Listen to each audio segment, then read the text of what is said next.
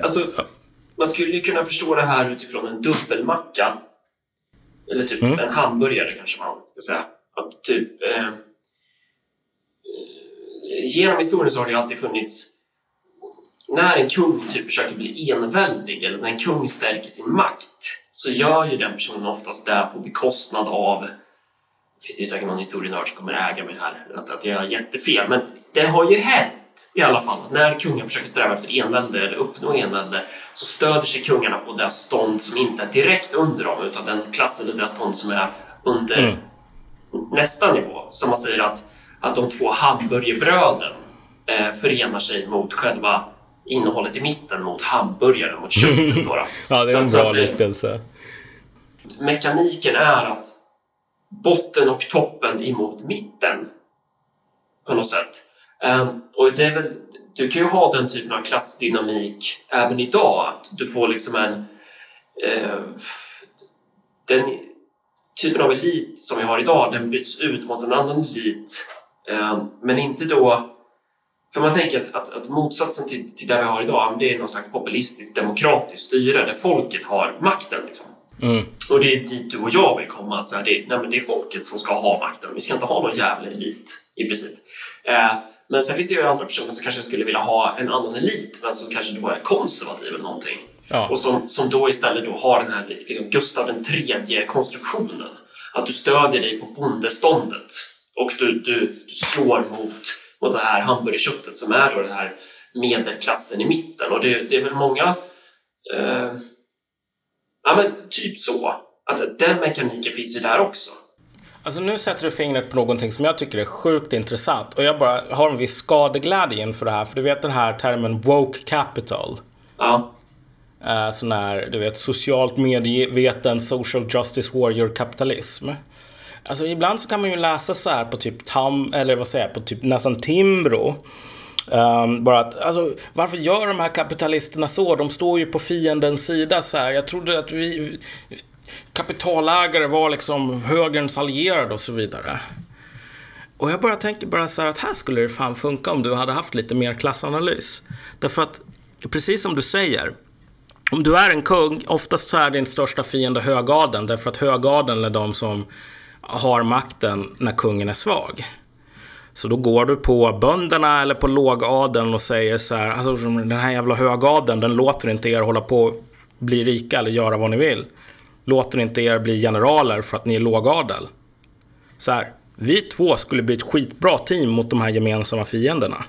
Så alltså, så, sådana allianser finns. Och det som jag tycker är intressant med det här woke capital, att folk bara märker att bolag, eh, och det är oftast techbolag också, eh, blir så här super woke, du vet, håller på. Varför är liksom pride bara en, en grej för stora företag nu?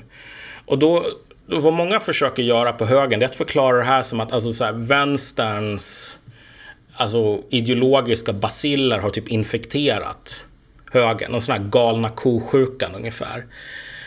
Uh, men jag tror inte alls att det, det är så det är, utan vi börjar se som egentligen borde vara ganska självklart, att det finns ganska stora splittringar även inom uh, klassen, vad ska man säga, kapitalister. Och den här splittringen går åtminstone delvis utifrån, det finns den sortens kapitalister som håller på att typ tillverka tandborstar. Och som håller på och, ja men de blir rika om de är bra på att tillverka tandborstar typ. De äger Colgate. Men sen så finns det ju en annan sorts kapitalister som, vad ska man säga, deras framgång beror mycket mindre på typ om de har någon sån här tandborstvetenskapsingenjörer som tar fram den billigaste tandborsten. Och mycket mer... En spirituell produkt, typ? Att de Ja, säljer exakt. liksom... Och inte bara att det är en spirituell produkt, utan det är också att de är, monopol, de- de är monopolistiska mer eller mindre. Alltså typ de kontrollerar infrastruktur, Facebook, Google, YouTube och så vidare. Alltså deras stora grej här är inte att de opererar på en marknad där det är så här typ 20 olika Google. Och så måste de ha typ 2% bättre Google, eller så delar de in det här marknaden i olika segment som typ Cola och Sprite. Utan för dem handlar det ju mycket mer om att de ska kunna upprätthålla de här monopolställningarna och de behöver alltså politisk täckning för att göra det. det mest brutala exemplet på det här är Uber. Ett företag som typ aldrig någonsin har tjänat pengar. Som förlorar alltså pengar på varje eh, körd mil. Men som är typ ett av de högst värderade företagen i hela världen. Eller i alla fall liksom startups så är det liksom det näst mest. Profiten kommer ur spekulationen att det här företaget är i teorin skitbra. Typ. Exakt. Att det, ja. Men det där, då bara för att rätta mig själv, att med, med spirituell produkt så menar inte jag då de här techbolagen utan då menar jag ju mer typ en spirituell produkt är till exempel ett värdegrundsdiplom eller, eller mm. så att, du, att du köper Fairtrade kaffe eller någonting. Det är, det är, det är no, no, en ande i det liksom. Men det här är ju faktiska, det här är ju, det här är ju skitintressant för det här är ju verkligen så här finansiellt kapital, alltså det här är ju spekulation. Mm. De gör profit på spekulation. Jag menar, eh, exakt, men alltså Uber, Uber, och det finns en jättebra artikel om det här i uh, Journal of American Affairs. Som ja. Gå in där och så finns det en artikel då ganska på den här första sidan man kommer till om Uber. Men väldigt kort, så det är så här, taxi är inte någonting nytt. Och, och, och, Uber, att de kunde bli så här högt värderade var egentligen på grund av två skäl. Att de kunde dölja att det här med taxi inte är någonting nytt. Att alltså det, det finns inte massor med nya effektiviteter att upptäcka. Men det dolde de genom just, de hade den här appen som idag så är det så att vilket taxibolag som helst som är värt någonting har en egen jävla app. Det är inte svårt att programmera en app. Men de, kunde, de hade en app så det här var någonting nytt. Och sen så var det liksom disruptive, det här var ride sharing, det här var inte ett taxibolag.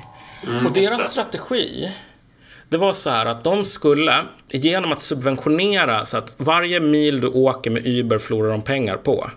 Men de skulle fortsätta med det där och så skulle de så att säga sandbagga politikerna och media. De skulle skärm, skärma över dem.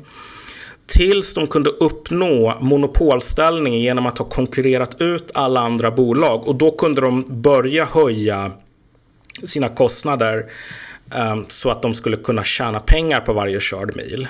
För att vad skulle folk välja då? Det skulle inte finnas några. De skulle ha den här superstarka ställningen. Och min poäng här är att de har förlorat, alltså de har ju sagt, alltså många av de länderna som de identifierar som de här make or break framtidsmarknaderna, Kina, Ryssland, eh, en del andra, som de har försökt att göra inträde i, har de varit tvungna att bara stänga ner all verksamhet. De finns typ inte i Kina längre, eller Ryssland. Därför att de ryska och de kinesiska politikerna sa hm, det här ser ut som ett taxibolag. Jag skiter i den här appen. Följ alla lagar och regler som finns för taxibolag. Eller stick. Eh, och så fort det händer, då är de fakt. Därför att det här var ett företag som var... Hela deras vinstidé var att de skulle kunna bambusla politikerna tills de hade uppnått den här starka ställningen. Så att hela deras affärsidé bygger ju på en bra relation till den här klassen av tjänstemän. Exakt, det bygger på en bra relation till, till köttet i hamburgaren. Ja, till, till mellanskiktet då. För att det är där någonstans som politikerna drar sina... Alltså dagens politiker är väldigt styrda av just det klasskiktet. Ja. Snarare än typ storkapital. För storkapitalet skulle betrakta Uber som bara konkurrenter. Mm. Ja, nej, men precis. Alltså, det finns inte mycket så här storkapital bland taxibolag vad jag vet. Alltså. Men, men, men du sätter fingret. Jag, jag, vet inte hur ägarstrukturen ser ut, men den är väldigt splittrad vad jag vet okay. i alla fall. Fan vad sjukt ändå. Det tänker man ju borde verkligen vara en sån näring som du skulle kunna ha. Uh, men ja, intressant. Ja, nej, alltså det finns inga sådana här multinationella taxibolag vad jag vet. Nej, men jag kan ha fel här. Nu kanske jag avslöjar hur Det är nu vi missar någonting. Jag kommer typ så här, när jag går hem så kommer jag råka sitta i en sån bil utan att jag märker det. Det är så det blir med sånt där, när man, tänker, när man inte tänker på det. Men ja. Nej, men, alltså, så här, men, men Uber har varit väldigt framgångsrika på att övertyga folk om att det här är liksom framtiden, det här är innovation, det här är så här, nya tidens, det är liksom kapitalism 3.0 eller vad fan det nu är. Och det här är ju just för att de lever i den här symbiotiska ställningen med den här klassen av tjänstemän, mandariner och så vidare. Och om man verkligen ska förstå den stora klasskonflikten idag så är det mycket mindre så arbetare mot kapital och liksom allt kapital står på en sida och alla arbetare står på den andra. Utan det är mycket mer så här att du har den här klassen av gula turbaner här, de här tjänstemännen, eunuckerna, liksom betjänter åt kejsaren. Som liksom, de driver palatset. man får tänka sig att om du är någon sån här Europa-kommissionär eller någonting. Visst, du tjänar riktigt bra pengar, men jag menar det är ju små, det är ju växelpengar jämfört med de riktigt rika industrialisterna. Precis, vi, må, vi måste höja politikerlönerna för vi känner Ja, så himla dåligt. Ja. Nej, men alltså du är ingen Mellon eller någon sån här Nej. JP Morgan eller någonting om du är Jean-Claude Juncker. Eh, och den klassen under Jean-Claude Juncker, eh, alltså de lever riktigt bra, men det här är verkligen den övre, övre, övre, övre medelklassen. Det är de som styr snarare än överklassen i de här institutionerna. Och ehm, de här gamla, liksom, om du äger Colgate eller någonting sådant, om du är den där gamla sortens kapitalist som tillverkar saker. Um, alltså du är ju inte superintresserad om du säljer tandborstar av att så här, folk ska vara vakna. Nej. Att de ska vara woke.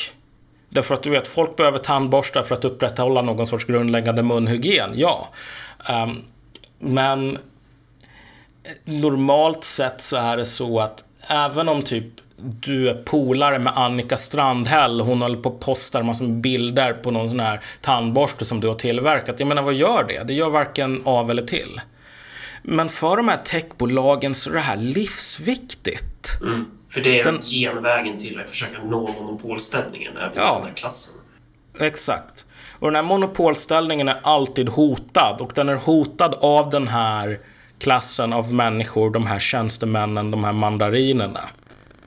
Ehm, och För att, för att det är de som sitter på nyckelpositionen till att tillåta... Eller, eller hur menar du? Varf, varför är den hotad av, av dem? alltså för att det är de som i slutändan behöver konstruera den här miljön där man kan ha, hålla på och tjäna de här pengarna. Ja. Att man kan ha de här, ehm, vad ska man säga? Ja, men typ om du tänker dig, ta, ta Irland till exempel. Mm. I Irland är ju deras selling point ekonomiskt är ju att de är ett skatteparadis. Så att alltså Irland? väl, ja, Irland. Jaha. okej. Väldigt många sådana här stora techföretag har ju sina högkvarter där därför att alltså, de har alltså, i lagen massor med kryphål som gör att du kan betala extremt lite skatt. Och det här är ju någonting som, alltså det är inte en det är inte en slump, utan det här är en medveten strategi. Att alltså, irländarna vill att Google ska flytta dit och betala 2% skatt, eller vad det nu är. Så här. Därför att det är bättre att de betalar 2% skatt i Irland än om de betalar 15% skatt i USA. För irländarna i alla fall. Men, men om du tänker dig så här, irländska Pride-tåg. Nu har jag inte gått i ett sånt själv, men jag fick höra det här från, vad heter hon? Angela Nagel. Som menade att Alltså, det är bara techbolag. Det är Dropbox, det är Google, det är eh, Facebook, Apple, alla de där som har sina högkvarter där. Som går och bara markerar hur progressiva och fina och bla bla bla de är. Men det här är ju den ideologiska techmanteln. Det är inte bara att de här människorna har bara absorberat någon sorts vänsterideologi because reasons är att vi måste gå tillbaks till, du vet, icke-vänsterförgiftad liksom, Go- Google. Liksom. Jag tror inte att jag tror inte att det är en slump att Google eller vad det nu kan vara är så här vänsterförgiftade eller vad man nu ska säga, hur man nu vill kalla det.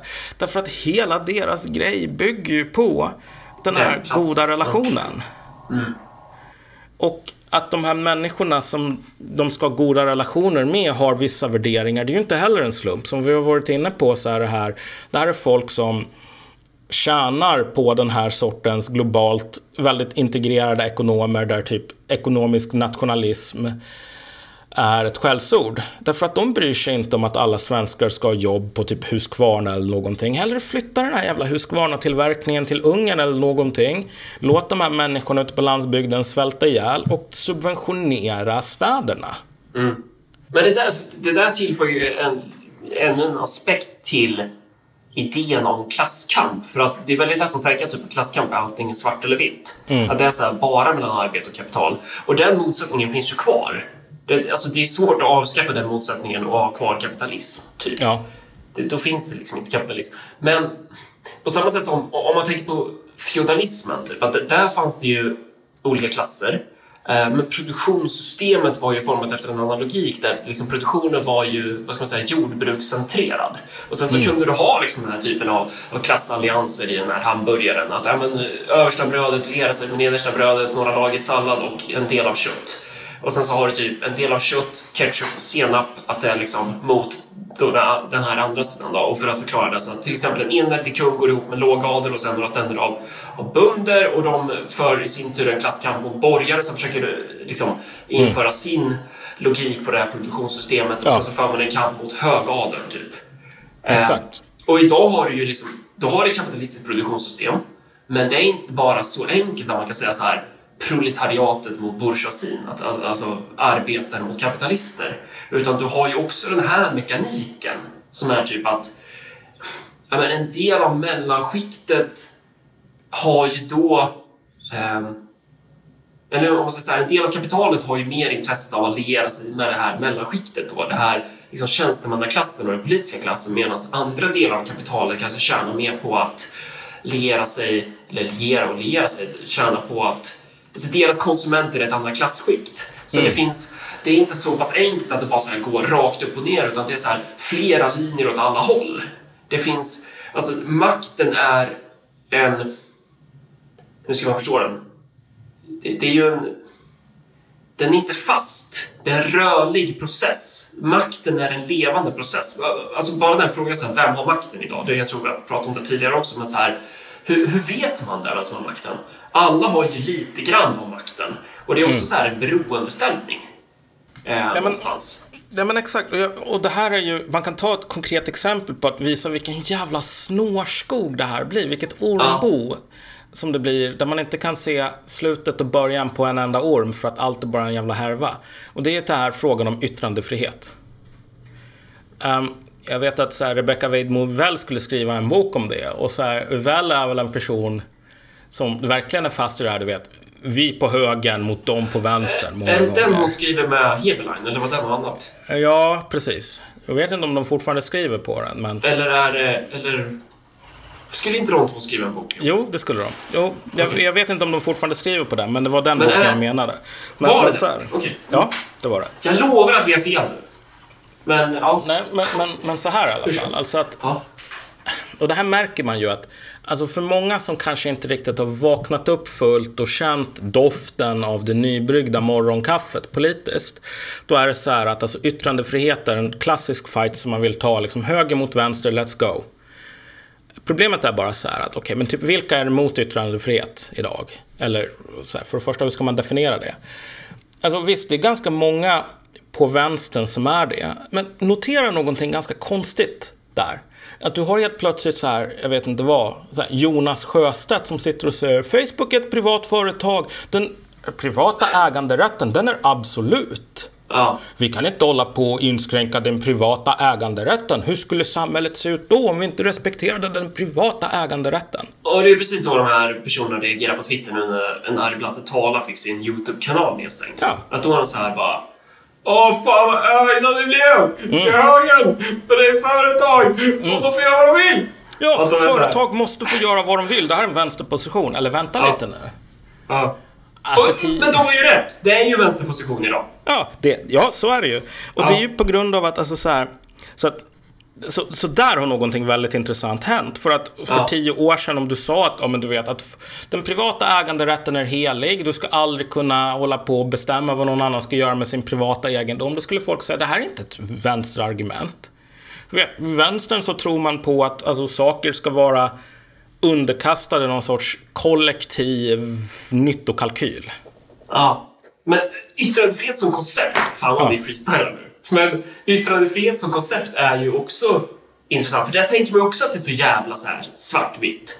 Att det är bara, nej men det står i lagen att vi har yttrandefrihet och så har man det. Yttrandefrihet är ju också en process som är helt beroende av hur produktionen ser ut. För att yttrandefriheten i praktiken är ju bestämd av Ja, men bland annat de här techbolagen. De har ganska stort säg Ja. i hur du ska förstå yttrandefriheten. Och om de då har materiella incitament mot en viss klass med en viss värderingsmässig moral så kommer ju deras implementering av yttrandefriheten att se ut på ett visst sätt. Att då kommer det verkligen vara så här, ja men självklart är vi för yttrandefrihet, punkt, punkt, punkt, till en viss gräns. Ja.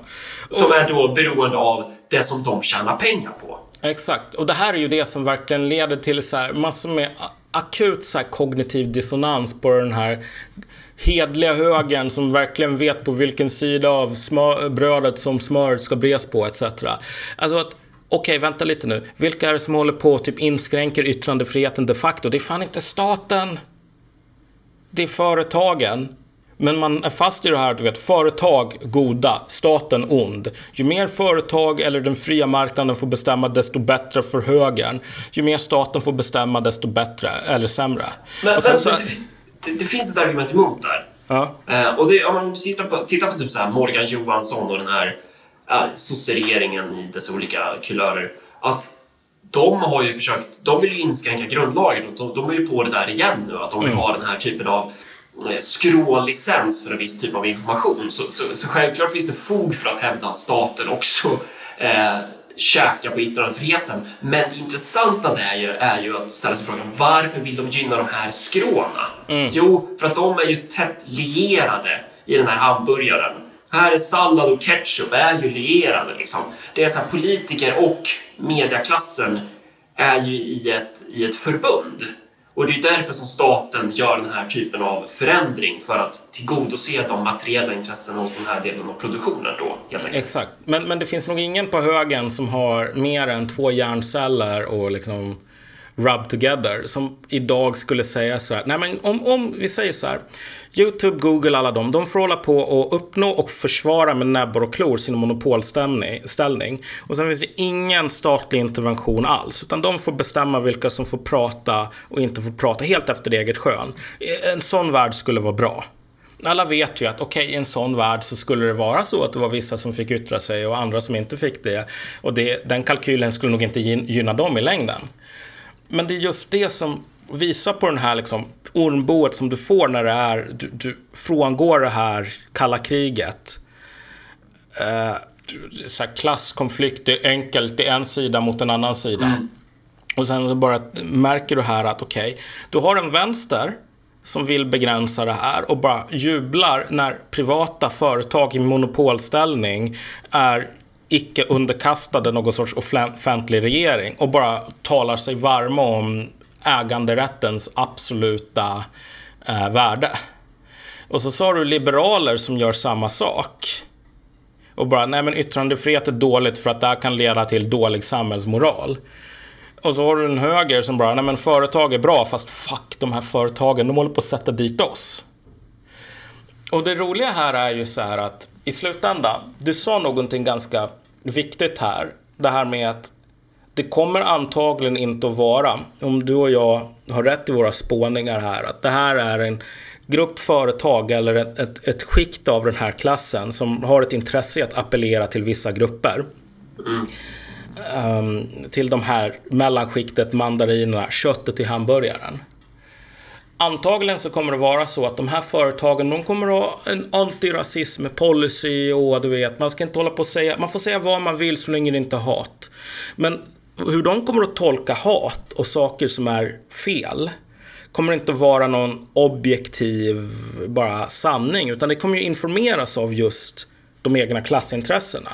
Så att typ säga till exempel att um, att säga typ ha vissa politiska åsikter om typ vi borde ha en, en ekonomisk nationalism. Ekonomisk nationalism kan definieras som, som rasism i, i ett sånt här system. Och kommer antagligen att göra det därför att den klassen som man appellerar till har ett väldigt grundmurat intresse i att undvika ekonomisk nationalism. Och det finns ett väldigt bra exempel på det här, alltså hur det här fungerar i praktiken. Alltså hur de här klassintressena verkligen skiner igenom i de här monopolen. Och det är ju den här grejen som hände um, när de här tidningarna la ner. Liksom Huffington Post höll på att sparka massor och sen var det typ Cracked eller Spiked eller vad, nej Cracked tror jag det var som typ la ner. Uh, I alla fall någon så här det, det, det sparkades massor med progressiva liberala journalister i USA. Och då var det ju någon, någon sån här hatisk eh, Peppe the Frog, Groiper eh, snubbe på Twitter som grev fram hur de här tidningarna hade skrivit.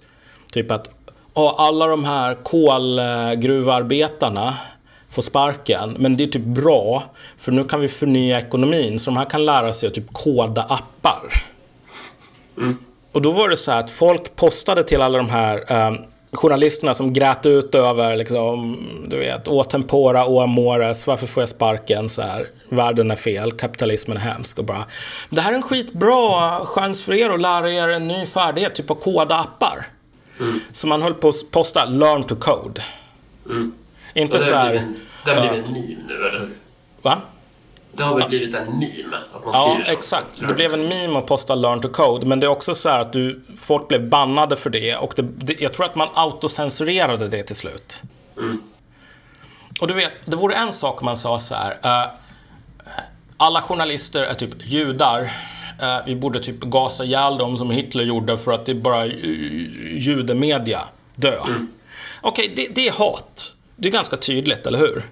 Men om någon säger så här, bara postar en bild på de här, en artikel som en journalist har skrivit och bara nu får de här kolgruvarbetarna lära sig att koda liksom. För, för jobb kan inte vara kvar för evigt. Är det hat?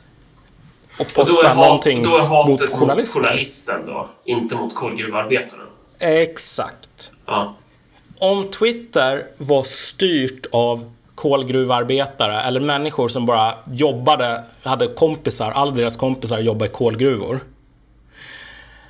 Men ing, de hade inga kompisar som var journalister och de brydde sig inte. Journalister var inte ett intressant segment. Vem tror egentligen att, att det skulle vara hatiskt att posta det här mot journalister som förlorar sina arbeten men inte mot kolgruvarbetare? Väldigt enkel fråga liksom. Det var precis det jag tänkte för att, för att dagen populisterna tar över de statliga institutionerna. Alltså om du och jag skulle ha ett populistparti från helvetet. Då hade, vi hade ju gjort såna jävla utrensningar i, i de statliga, kommunala och regionala förvaltningarna. Alltså man hade ju gått in och bara, bara, bara skallat folk och bara såhär, du får sparken och bara skickat ut folk. Nej, nej, kanske man inte men, men typ. Man, man hade ju verkligen rensat ut alltså. Ehm, och så här, tagit bort alla jävla låtsasjobb och grejer. Då kanske, då kanske vi skulle få sociala medier till typ så här. Om någon skrev typ att Västerås är en bra stad så blir man blockad i 30 dagar. Liksom. Att, att det är typ en annan typ av... För då skulle de här techbolagen vara beroende av en annan typ av klasskikt. För att det, då är det vi som sitter på spakarna. Alltså ja, jo potentiellt. Men, då, men innan det så kommer de att slåss med näbbar och klor.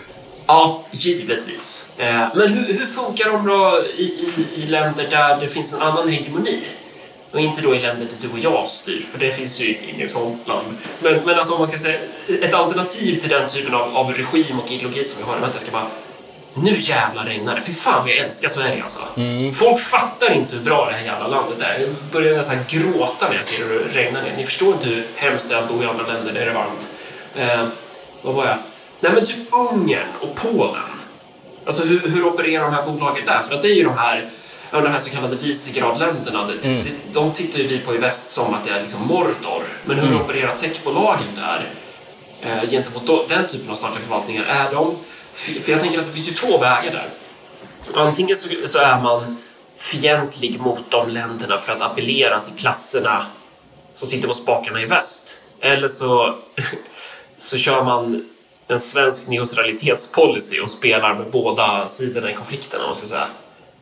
Ja, jag har faktiskt inte superkoll på just hur det ser ut på marken där. Om det finns något liknande till det här att alla som, som säger åt journalister och typ skaffa ett annat jobb utanför journalistiken. De, de, de, de bannlyses för, för liksom hat. Sådär. Men bättre exempel är kanske så Ryssland och Kina egentligen. För då, då, då går vi ju, då löper vi hela linan ut. Ja, där har de ju löpt där har de gått med på att låta Kina typ censurera grejer och så. Exakt. Ja. Och de är ju bra exempel på att så att säga under det här glada 90-talet och typ 00-talet och så vidare så fanns ju en sån enorm tro på att, alltså, du vet, Twitter, det är det enda som behövs för att du ska få, jag vet inte vad, en revolution i Iran, typ. Alltså att de här infrastrukturella nätverken... Ja, det var jättemycket snack om det där under arabiska våren, att det var så här, tack vare social media. Var inte det jävligt drivet av just sociala mediebolag också? Att så här, prata om hur, hur mycket de citat demokratiserar. Fan vad tyst det blev nu när alla jävla islamister har tagit makten. Mm, ja, men verkligen. Nej, men man trodde verkligen att, alltså, så att säga, the medium is the message. Att om du har om du har sociala medier, då kommer vissa värderingar att så att säga spridas naturligt. Problemet är bara så här att nej, det är inte så det funkar. Ryssland och Kina är väldigt bra exempel på att du kan använda de här sociala medierna för att sprida så här, bilder, videos på typ ryska katter och inte mycket liberal regimkritik. Um, därför att vad vi ser som en naturlag här är bara att de här företagen i väst och de här miljöerna, de håller på att domineras av en viss sorts, en viss sorts konstellation av klasser här som har någon sorts konstig allians. Om du inte har de klasserna eller om de är för svaga för att göra väsen av sig eller om centralmakten är för stark. Då säger centralmakten, okej, okay, nu har vi det här sociala nätverket i Kina och det är anpassat för kinesiska attityder. Det kommer inte bli massor med snack om typ fria Tibet här inte. Nej. Och det blir inte massor med snack om att fria Tibet. Nej. Um, och om det är människor som håller på och snackar om att fria Tibet, då är det inte de som kan ringa till så här, den som, du vet, moderatorn och bara säga alla de som håller på och säger att Tibet är bara en kinesisk provins, de borde bannas. Det är du som kommer att bli bannad. Det är inte de. Men i, i, i västvärlden, i USA, då är det kolgruvearbetare som blir bannade om de gör väsen av sig. Det är inte journalister. Journalister är den här skyddade klassen som är som grisarna på djurfarmen. Alla är jämlika, men de är lite mer jämlika än alla andra. Det känns som att det, det kristalliseras allt mer vilken typ av skikt det är som faktiskt sitter på makten i, i våra länder och vilka det är man spelar mot om man skulle vara intresserad av att ta makten ifrån dem. Och, och också vad, vad, vad, som krävs för att, för att det är ju så här... Eh, he, alltså, merparten av de statliga... Merparten av delarna av statsapparaten är ju idag det här skiktet. Alltså inte alla delar av staten, men många är ju det. Och sen då har du på det har du då den här extra strukturen med så här bolag som på grund av att den klassen sitter där den sitter försöker appellera till just den klassen. Ja, nej men alltså, och det finns ju, det finns ju, det är ju kommunicerande kärl många gånger. Ja. Alltså precis som Lockheed Martin eller Boeing eller någonting är smarta nog så att de anställer generaler när generalerna är färdiga med att jobba inom militären. Och anställer så här politiker och så vidare för att ja, men, ge incitament att köpa deras senaste så här superdyra, icke-fungerande jävla kalkon av ett stridssystem. Um, det finns ju liknande, den här kommunicerande kärlen även här. Och det är också, för att återvända till det som vi pratade om innan, det finns ju kommunicerande kärl eh, mellan såna, den här vänstern som man ser i DSA och de här politikerna som de säger att de hatar. Jag menar, liksom det, det, är så här, folk från, någon från IRM börjar jobba som pressis åt Annika Strandhäll och, och andra försöker hänga efter typ, ja men LO-pengar eller vad det nu är. IR, hallå? IRM är då inte rasistmän. Ja. Alltså, ja. Alla de här organisationerna som är så himla indie och så vidare lever fortfarande i ett, alltså ett, ett sorts konstigt gränsland. Och precis som de flesta indieartister så sitter de vid telefonen och väntar på att de ska kunna sälja ut i det här skivbolaget många gånger. Mm. Um, och det är så här, precis som i den scenen så är det ganska underförstått att alltså, de här stora skivbolagen de bara håller på och pumpar ut massor med mainstream trash och de här indieartisterna som aldrig någonsin skulle acceptera 100 miljoner för att bli mainstream. De, de, de lever i symbios, de behöver varandra. Alltså de blir starkare ju mer de håller på och klagar på varandra. De är ju i sin tur, alltså den här sortens vänster som, som, som man ser på DSA de ser ju sig själva, eller de utger sig själva för att vara motståndare till stora företag och så vidare. Men de är ju 100% beroende av att de här stora företagen är mm. på deras sida. Det finns en allians här som är en jätteskämmig att erkänna. Men alliansen finns där. Um, ja, typ som att den här... Hur ska man säga? Det vänstern säljer är ju att de Ja, men de är lite som så här dominatrixer. Kan man säga så? Att ja. de är lite så här, det ja. de säljer är att de ska försöka få piska någon annan, typ. De ska få, få eh, shamea någon annan. Det är deras produkt. Det är där de säljer. Att, att så här, säga... Eh, den produkten de erbjuder är att de ska kunna få komma och säga eh, att ett företag inte tänker på handikappade tillräckligt mycket. typ. Mm. Eh, och sen när det företaget köper ett diplom av dem, mm. då... Ja, då, låt gå. Ni får överleva några månader till innan Exakt. revolutionen då vi kommer att hugga huvudet av er alla med giljotin. Men nu köpte Exakt. ni det här certifikatet så ni får överleva lite till. Så då är de ju som en typ dominatrix då. De säljer skam, typ. Nu, nu kanske någon dominatrix lyssnar på, på, på det här och blir jätteupprörd för att jämför. Vi lyssnar inte på sexarbetares röster. Är det så? Nej, vi lyssnar, fan, vi lyssnar inte på någon seriöst. Vi är ju kommunister. Vi skiter ju fan, det är ändå som... Dra åt helvete. Men vad... Ja. Men, men, men det är mekaniken i alla fall. Ja. Att, att, att, liksom att de säljer... Produkten de säljer är att, att företagen ska... Och, och, och det är ju också så här... Men det är också någonting som företagen har ett stort intresse av då. Det är det som du menar är det här pinsamma i relationen. Ja, Ja. Men, men du vet så här, tänk dig typ djur, så här, hyenor eller någonting. Även om du vi liksom utsätter en hyena som aldrig har träffat ett lejon för lukten av ett lejon så kommer den här hyenan att reagera liksom på mer rädsla. Ja, för det är internaliserat i, i, ja, hjärnan. Ja, exakt. Det, det, det, är inbyggt. Det finns någon sorts instinktiv um, Eh, ja men bara så här, vissa instinkter. Um, som är jävligt användbara för att lejon är hyenans största liksom, predator typ. Men det intressanta här är ju att om vi nu skulle tänka oss den här, försöka översätta det konceptet av de här instinktiva um, rädslorna som är inbyggda för att du ska överleva politiskt då ser vi ju, om vi tänker i de termerna, så ser vi ju verkligen vad konturerna av den här alliansen. För återigen, um, ehm, den här sortens vänster som vi talar om, som bara hö, hö, hö, arga blatten. Vad de inte har, det är den här instinktiva rädslan av att typ monopolkrafter kontrollerar um, så här, men typ tidningar eller andra kanaler för kommunikation och har en oinskränkt rätt att bestämma vad som är tillåtet eller inte. Alltså, det här är människor som kallar sig själva revolutionärer. Har det någonsin funnits någon revolutionär som inte har haft en jävla instinktiv rädsla för typ eh, en, vad ska man säga, okvalificerad rättighet att avgöra vilket språk som är bra och vilket språk som är samhällsfarligt. Du vet, revolutionärer är per definition samhällsfarliga.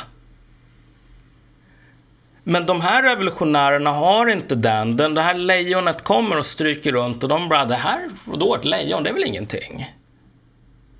Och det visar ju att de inte är hyenor i slutändan, därför att hyenor skulle vara rädda för det här. Så att alliansen här ligger ju på något plan i att när man håller på och bara jublar över att den arga blatten blev eh, kickad från YouTube eller vad det nu är, Mm.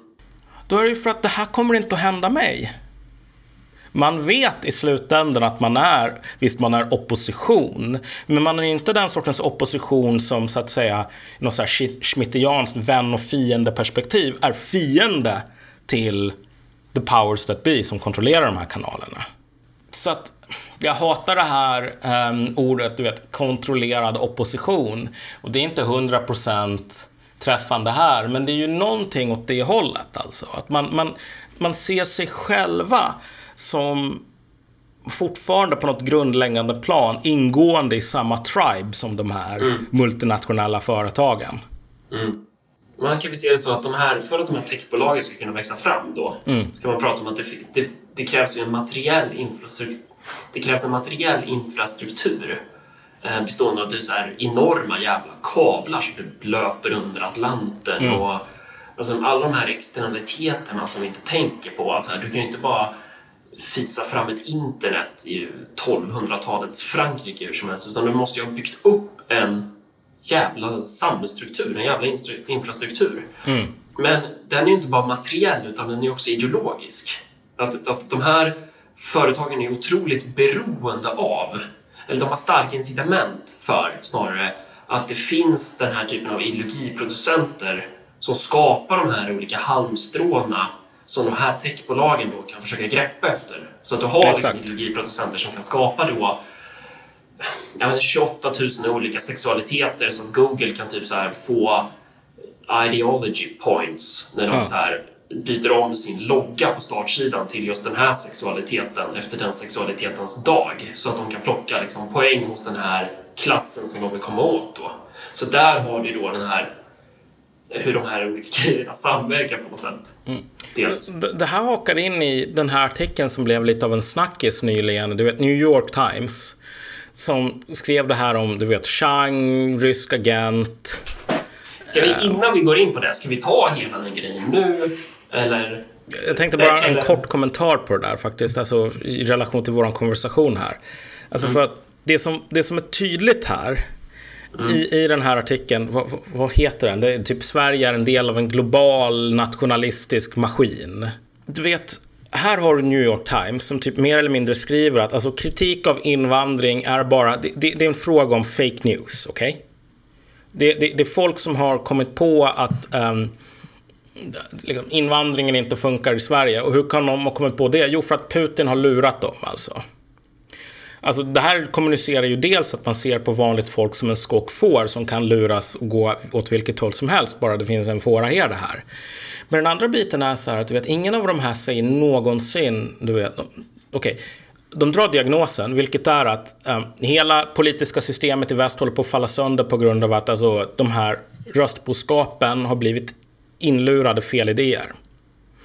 Men de säger aldrig sen vad man ska göra. Typ, okej, ska man förbjuda nyheter idag?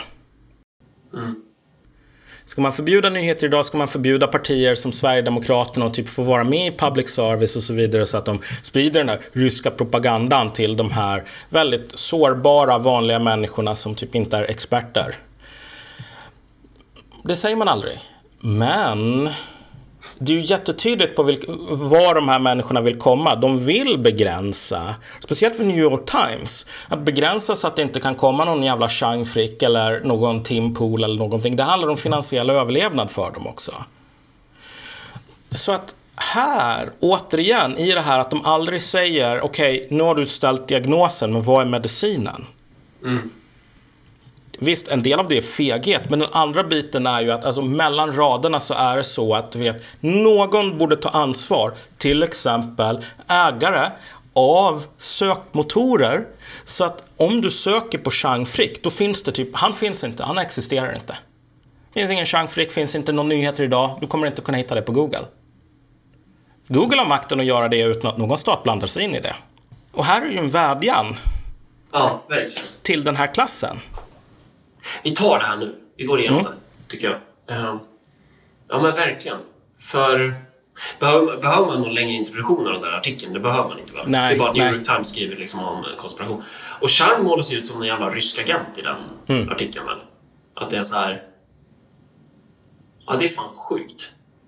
Jag skrev ju det på Twitter. De enda som har lyckats infiltrera nyheter idag hittills, det är Örebropartiet. Exakt. Och vi gjorde det till och med, vi gjorde det till och med öppet. Det är fan infiltration. Men just, just det här... Alltså de går ju mer och mer mot att ogenerat erkänna att vi ska inte ha demokrati. Ja. Alltså för det, för det är det som är... Alltså hela det här narrativet hänger ju ihop med det. Alltså det är ju det, det, är det här jävla snacket hela tiden, det här så kallade pöbelväldet eller så här skräcken för pöbeln. Att man... Liberalismen börjar manifestera sin sanna sida här, så som den har kommit till uttryck idag. Eh, att man, man är folket ska styras av, som du sa, någon herde. Mm. Den här, den här korkade skocken får, de måste ha någon som, som styr dem. Typ. Man kan inte göra sådana här fruktansvärda populisterna som kommer i ma- massa olika former idag. Oavsett om det är Le Pen eller Salvini eller Marcus Allard eller vad det kan vara. Att det är liksom bara erkänna att nej, folket har en agens och det är otroligt bra. Och det är någonting man ska eftersträva. Ja. Att man ska ha liksom... Ja, men demokrati är någonting bra. Nu kanske inte... Jag, jag, nu har inte jag full koll på eh, Le Pen och Salvini, men mig veterligen så vill de inte avskaffa demokratin i alla fall. Utan de, de har väl snarare, tycker väl att det är ganska bra med demokrati. Nej men exakt. Nej, men, vad, vad var det nu som Le Pen sa? Att den riktiga skiljelinjen inom politiken idag är inte längre mellan höger och vänster utan mellan globalister och patrioter. Jag menar, inbakat i det där är mer eller mindre att den patriotiska franska befolkningen, om den fick bestämma över sitt eget öde, skulle välja en annan politik än den som erbjuds nu. Jag menar, att ta ifrån dem den möjligheten att välja den här andra politiken som Le Pen vill ha, eh, det vore ju att skjuta sig själv i foten ganska rejält. Men hennes fiender i, i dåd, om inte i ord, erkänner ju att hennes diagnos är korrekt när de håller på och säger att alltså det här med demokrati är inte så himla bra för folk väljer fel låt. Ja, det säger de i det här jävla huset så fort klimatpolitiken kommer på tal. Att, nej, men problemet är ju att folkviljan vill någonting annat än vår miljöpolitik. Mm. Så, alltså, vi, vi kommer hamna i det här läget. Och det, så här, det här snacket om 30-talet hit och dit, eller de här som går runt och är oroliga för eh, eh, diktatur. Alltså, det är inte SD de ska titta på, Mm. jävla idioter. De ska ju kolla på de här ja, men tjänstemannaklassen. De ska ju kolla mot staten, statsskikten. Mm. Alltså, det, det, det är där du kommer hitta de här diktaturtendenserna. Hos den här humanitära, goda jävla eliten. Det är de, det är de som kommer... Fast de kommer, när de inför en diktatur så kommer det vara en hbtq-certifierad godhetsvurmande diktatur som typ Google kan så här promota på sin startsida. Men alltså det finns något sånt här gammalt skämt om typ, alltså att eh, man frågar lite olika militärer hur man skruvar in en glödlampa. Och alla säger ja, jag är expert på det här, jag vet verkligen hur man skruvar in en glödlampa. Och så frågar man den här kavalleriofficeraren. Och han bara börjar berätta, när man ska skruva in en glödlampa så gör man så här. Och så börjar han tala om hur man leder en kavallerichock. Sen så frågar man den här artilleriofficeraren bara, ja men hur gör man? Och så bara, ja, när man skruvar in en grön lampa som jag är expert på, då gör man så här. Då börjar han hålla på eh, liksom svamla om hur man ställer in ett så här artilleri, eh, artilleribatteri för typ räkna med vindstyrka och så vidare så att kanonkulorna träffar fienden. Och sen den här snubben i flottan, han bara håller på och bara, ja men så här reser man ett segel. Och det är deras svar. Alla har sitt eget svar på det här det som de är expert på, vilket är att skruva in en glödlampa. Och det är ju bara det de håller på med varje dag ändå. Och, alltså, och det där är det, det här är det som är så himla påtagligt med den här klassen. De är den här, visst, de har lösningar på en klimatfrågan. Vad är lösningen? Jo, att du tillsätter experter som får leva på skattepengar och ta fram massor med rapporter och Agenda eh, 32 och bla bla bla sådär. Du vet, Miljöpartiet stod bokstavligen i talarstolen från kommunfullmäktige sedan och sa problem, alltså, problemet med Örebro kommuns klimatpolitik är inte målen. Problemet är att det inte har anställt tillräckligt mycket kompetens. Exakt, Och det gick jag upp och sa så här. Det enda ni vill göra är att anställa era jävla miljöpartister typ. Ja. Och då blev det ju dålig stämning. Men det är ju, det är ju exakt vad det handlar om. Ja, att alltså- det här är ju klasskamp. Du kan säga till de här att, men du vet, okej, vi, vi har världens bästa miljöpolitik i Örebro. Kommer det göra någon skillnad om typ Kina fortsätter att bygga kolkraftverk? Och då kommer folk att bara ignorera det du sa. Ja, alltså... Ja. Men återigen, det stora problemet är att vi inte har anställt nog med folk. Mm. Men det kommer inte vara buss busschaufför man anställer, det kommer att vara Nej. folk ur den egna klassen. Och så att, så att visst, de här miljöpartisterna, eh, eller den här kaderklassen, den har en lösning, precis som den här jävla kavalleriofficeraren har, på miljöpolitik. Och det är att anställa folk i ens egna klass, skriva rapporter, ha workshops, leva på skattemedel. Okej, men då tar vi en annan fråga. Hur löser man rasismen? Anställer folk, Måste- man skriver rapporter, man lever på skattemedel, man ordnar workshops, projekt. Hur löser man eh, de ökade klyftorna i samhället? Man anställer folk, man ordnar workshops, man lever på skattemedel, man har någon think tank som tar fram en rapport, man ger mer pengar till Katalys. Vi, kan, vi, har, vi, kan, redan, ja. vi har ju redan, eh, vad fan heter det nu, mångfalds... Fan, vad är det de heter? Mångfaldsstrateger heter det. Och så har vi, och de jobbar med jämställdhetsintegrering och gender budgeting. Ja, alltså det här är ju, de här människorna är geniala. Det, så här, ja. Hur fan tar vi oss till Mars? Jo, vi anställer miljöpartister som får leva på skattemedel och spela World of Warcraft på dagarna. Och så får de ta fram lite rapporter och agendasättande och så får de mm. gå över till någon think tank. Så här. De måste klä sig i filt. Ja. Skitviktiga, de måste klä sig i någon jävla filthelvete. Gå runt och... Åh! Alltså fattar folk! Fattar folk att jag sitter i rum med, med såna här... Det här är min vardag. Tyck synd om mig. Ja, jo, det... jag vet. Ja. Här kommer din narcissism fram. Allt måste handla om dig, Marcus. Det kan inte handla om de stora övergripande samhällsproblemen, utan bara om din ångest. Men, men alltså, det, Miljöpartiet sa ju som svar på mig att det är faktiskt inte bara miljöpartister som bryr sig om miljön. Och där har de ju rätt. Man kommer ju anställa vänsterpartister och sossar också. Mm. Och kanske en annan centerpartist. Men inom just den här professionen. Men, det, men poängen är ju densamma. Att det är liksom så här, va? Det är ju klasskamp de bedriver. Exakt, och det är ju bara så här, vad de här människorna säger då, bara ah, du bryr dig inte om miljön. Du vill att planeten ska gå under. Men alltså, men problemet är ju att den här eh, det här exemplet där man håller på och driver med de här olika officerarna i armén och deras inflexibilitet. Det är ju så här, inte att det är onödigt att skruva in glödlampor. Liksom. Vem skulle någonsin vilja skruva in en glödlampa? Utan det är bara att om du sätter en jävla artilleriofficer på att skruva in en glödlampa. Det enda han kommer att göra det är bara mäta vindhastighet och bara, ja men typ en kanon borde placeras här. Därför att det är det enda han är intresserad av. Och på samma sätt, de här människorna, alltså det är inte så att de är ointresserade av miljöfrågan eller att ta sig till Mars eller att typ lösa världssvält eller någonting. Det är att de har en metod. Och det är att anställa sig själva och typ transferera pengar från det allmänna till sig själva för att eh, reproducera sig som en klass av mandariner som typ lever på andra. That's it. Mm. Ehm, och det är bara så här, det spelar fan ingen roll för dem om det här kanske inte kommer att lösa eh, alla världens miljöproblem och anställa fler miljöpartister i Örebro och leva på skatt, Örebros skattebetalare. Därför att så här, de har ändå vunnit tröstpriset, vilket är att de har reproducerat sig själva. Mm. Och för att återvända till den här grejen i New York Times. Um, de här håller ju på och uttrycker de politiska konflikterna i Sverige som har att göra med invandring och invandring har att göra med fördelning och massor med andra konflikter också. Men de, de, de, de vill verkligen få det här till att vara en fråga om information. Det är nästan inte ens en fråga om värderingar, typ vissa gillar öppna och vissa gillar stängda samhällen. Så här. En jävla Karl Poljani-skit. Utan det är mer att alltså, folk är bara det är fake news. Alltså, de har inte nog med information för att de är alltså, okunniga. Ja, precis, och vad är lösningen då? Jo, man ska läsa New York Times. Ja, då får man bättre definitivt. information. Ja. Man ska teckna en prenumeration på New York Times så att de inte behöver gå i konkurs. Det är steg nummer ett. Säger alltså, de här. Steg, nummer, steg nummer ett för att, för att Sverige inte ska bli en fascistdiktatur, ja. det är så här. Eh, gå, in, gå in på din webbläsare, gå in på newyorktimes.com och så tecknar du en prenumeration. Och så, och så kommer du kunna läsa artiklar och så läser du där och så, ja, det är bra. Ja, men den andra biten är ju så här att alltså, du vet, någon måste ta ansvar och då med någon så menar man Google och Facebook och så vidare.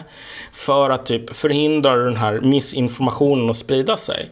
Och alltså vad folk håller på att börja inse nu är ju att när de talar om information Många gånger så har de lurat sig själva att de verkligen tror på det. Men det här handlar i slutändan om klassintressen. Ja. Det här handlar om att Google och Facebook måste, du vet, ställa sig till förfogande för att förhindra att en viss sorts politik som en viss klass av människor tjänar på fortsätter.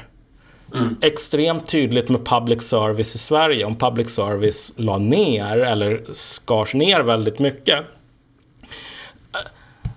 ah, nej, förlåt. De här journalisterna på public service, de skulle ju alltid kunna börja jobba på Metro istället. Jag hör att de anställer jättemånga just nu.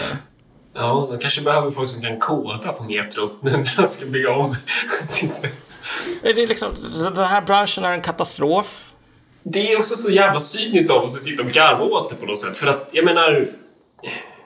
Det är människor som drivs någonstans av att de vill ju också ha sin jävla försörjning på bordet. Det är väl bara det att man stör sig så jävla mycket på att många av de här har varit så jävla präktiga, typ.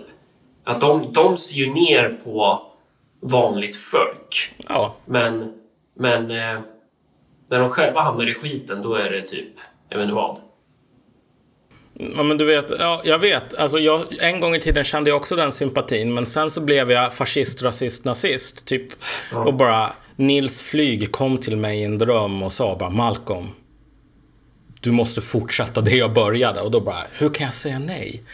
Men efter, efter den uppenbarelsen här, den här religiösa uppväckelsen, så Ja. bara insett att jag tycker att alla ska fan få sätta mat på bordet. Men kanske inte genom att vara parasiter på andra, om det kan undvikas. Vilket är den här klassens stora problem. Ehm, att den vill fortsätta att vara parasitär därför att den vet ingenting annat. Ehm, och det, det är så här, okej, det kan man sympatisera med, men alltså man kan sympatisera med sina fiender utan att de slutar vara fiender, om vi säger så. Eh, men problemet här är ju i slutändan att när folk håller på att tala om public service, då talar de alltid i termer av så här, om, om, om vi skär ner på det här, demokratin kommer att dö, fascism etc. De säger inte att, alltså, hur ska jag kunna hitta något nytt jobb som inte är att typ vara en foodora cyklist Det går inte. Vi måste subventionera den här branschen. Så att jag kan köpa mat av en Foodora-cyklist. Exakt.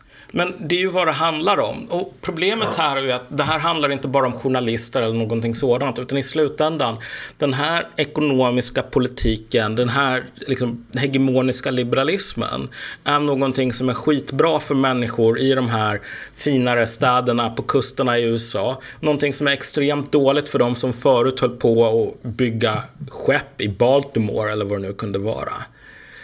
Ehm, men man gör hela tiden den konflikten till en konflikt om information. För att det är så den här klassen opererar. Återigen, folk försöker, och det har jag märkt sen när jag var ute på Facebook och så vidare, att ja, men det är väldigt många sd som är arga på den här New York Times-grejen och bara det här är nonsens. Men då riskerar man att bara av dumhet snarare än listighet upprepa det misstaget som man gör i New York Times. Att tro att det här handlar om in, alltså, ideologi eller dålig brist på information. Snarare än att det finns en jävla klassallians här. New York Times skriver för att de vill mobilisera den andra parten i den här koalitionen mellan typ en viss sorts politiker, journalister, apputvecklare, Silicon Valley-folk. Att så att säga skydda den gemensamma intresset mot en koalition som består å ena sidan av, jag vet inte vad, oljebolag och å andra sidan av så här folk som typ vill sätta mat på bordet som bor i, i, i Frankrike ute på landet typ.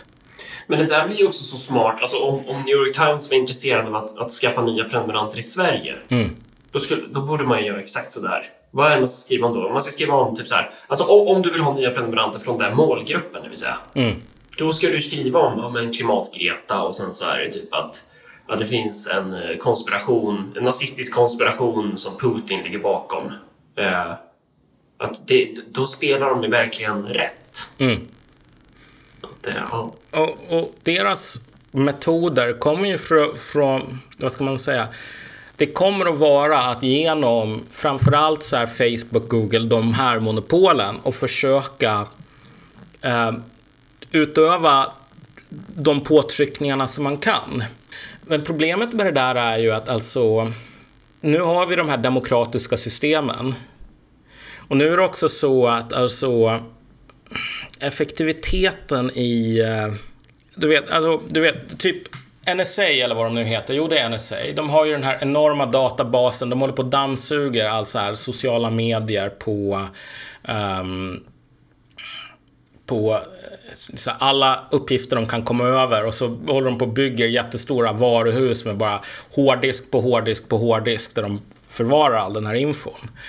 Problemet rent strukturellt med det här liksom, Big Brother-visionen, det är att du kan inte, det finns inte nog med folk för att sätta sig på att gå igenom det här.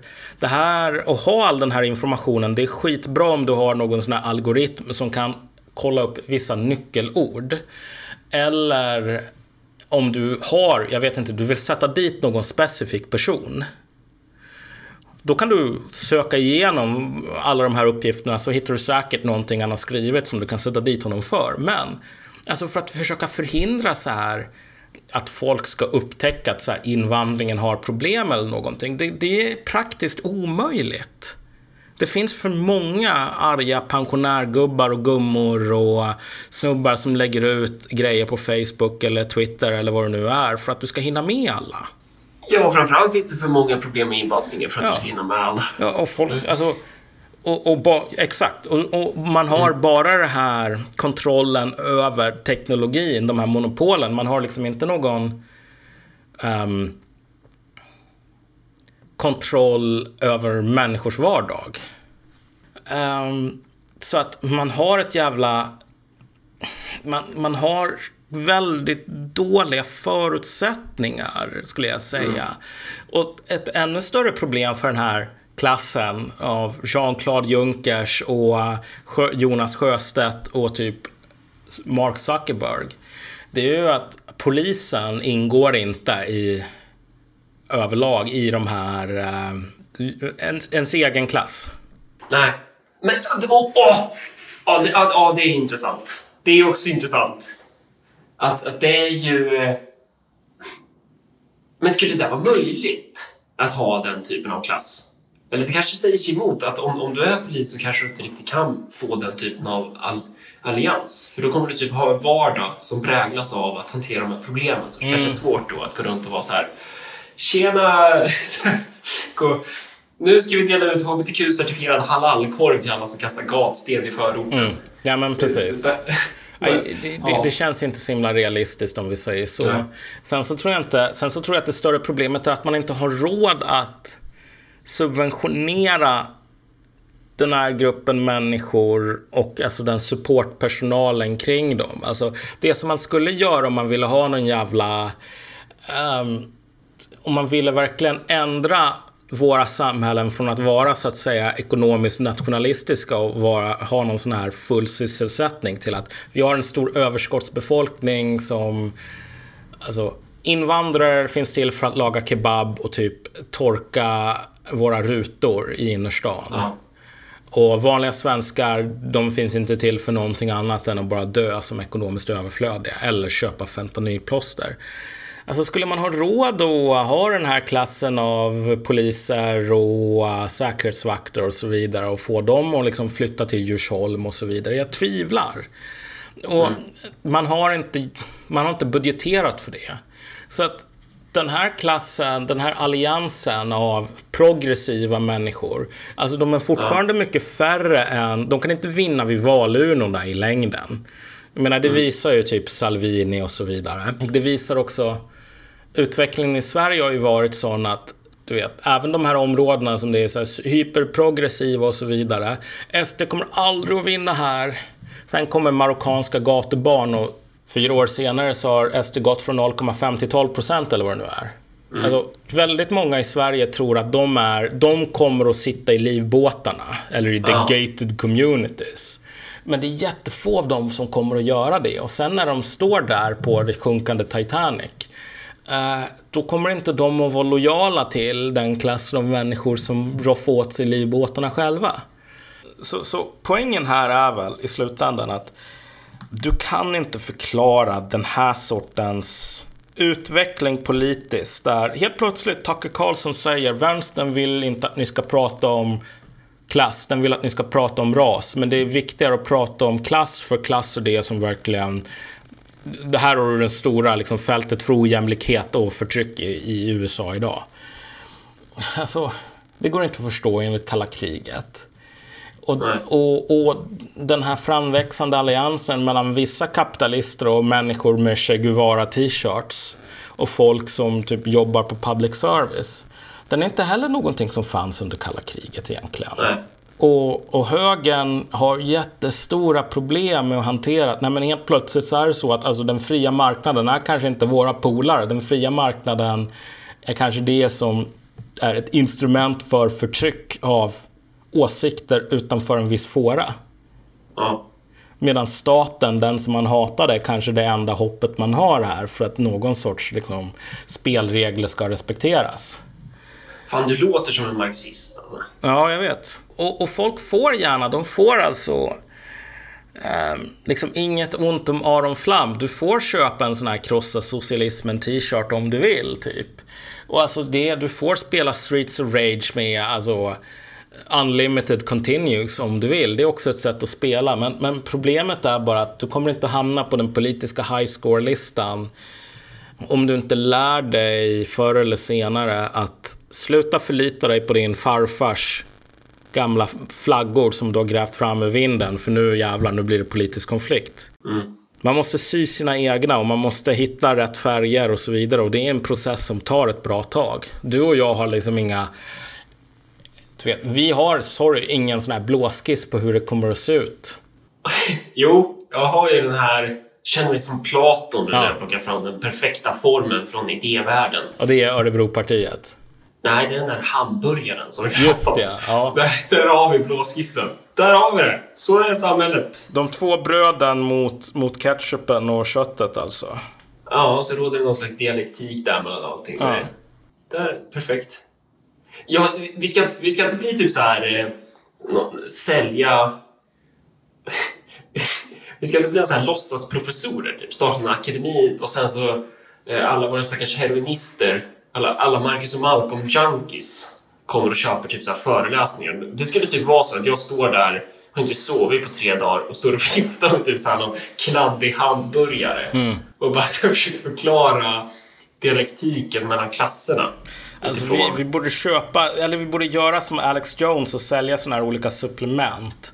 Och då skulle det ju vara så här att här har vi typ Hasselmus X. Som bara ger dig hasselmusens styrka och liksom mod. Men det där är ju...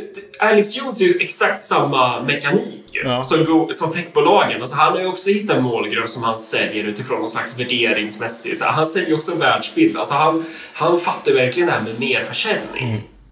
Att han säljer ju till, till den klassen som Google inte säljer till, om man säger så. Mm. Ja men verkligen. Ja, nej, alltså vi borde bli bättre på det här med merch, verkar det som. Nej, fy fan vad jobbigt det där är. Ja, det är det. Man håller på och krånglar. det är, det är som det är. Vi ska fokusera på att ta makten istället. Mm. Det- Ja, nu blev det i alla fall lite extra långt avsnitt den här gången. Ja. Eh, ja, om man vill köpa tonerkassetter kan man gå in på blackfisken.se och sen där kan man skriva in eh, kampanjordet ishacka eh, med små bokstäver. Eh, och då får man lite rabatt på sin produkt där. Blackfisken.se är då alltså ett, ett företag som har tydligt lierat sig med oss hemska populister. Då. De, de försöker profitera på den här världsbilden som vi säljer till. Hur, ja, undrar, om det är, undrar om det är en korrekt analys av dem, att det finns många kunder i våran, som, som lyssnar på oss. Mm, Vi får se. Ja, Ja, nej men då var vi väl färdiga kanske. ja vi, vi ska ju säga hej, hej då också. Just det. Ja, nej men. Det var väl allt för den här gången. Ja, det var det. Vi får, nu blev det här extra långt, men det är väl kanske vissa av våra heroinister gillar väl sånt nu när de har varit helt utan kran här ett tag. Men, men nu, vi får eh, ransonera det här knarket. Eh, så jag kommer nog dela upp det i rimliga bitar så att det räcker lite längre. Hoppas jag. Ska jag klara. Sen är jag jävligt nojig nu för att nu kanske det har varit skitstöriga bakgrundsljud här i det som kallas för skrubben. Men, äh, ja, vad fan, vi, vi hörs. Ja, det gör vi. Hej då.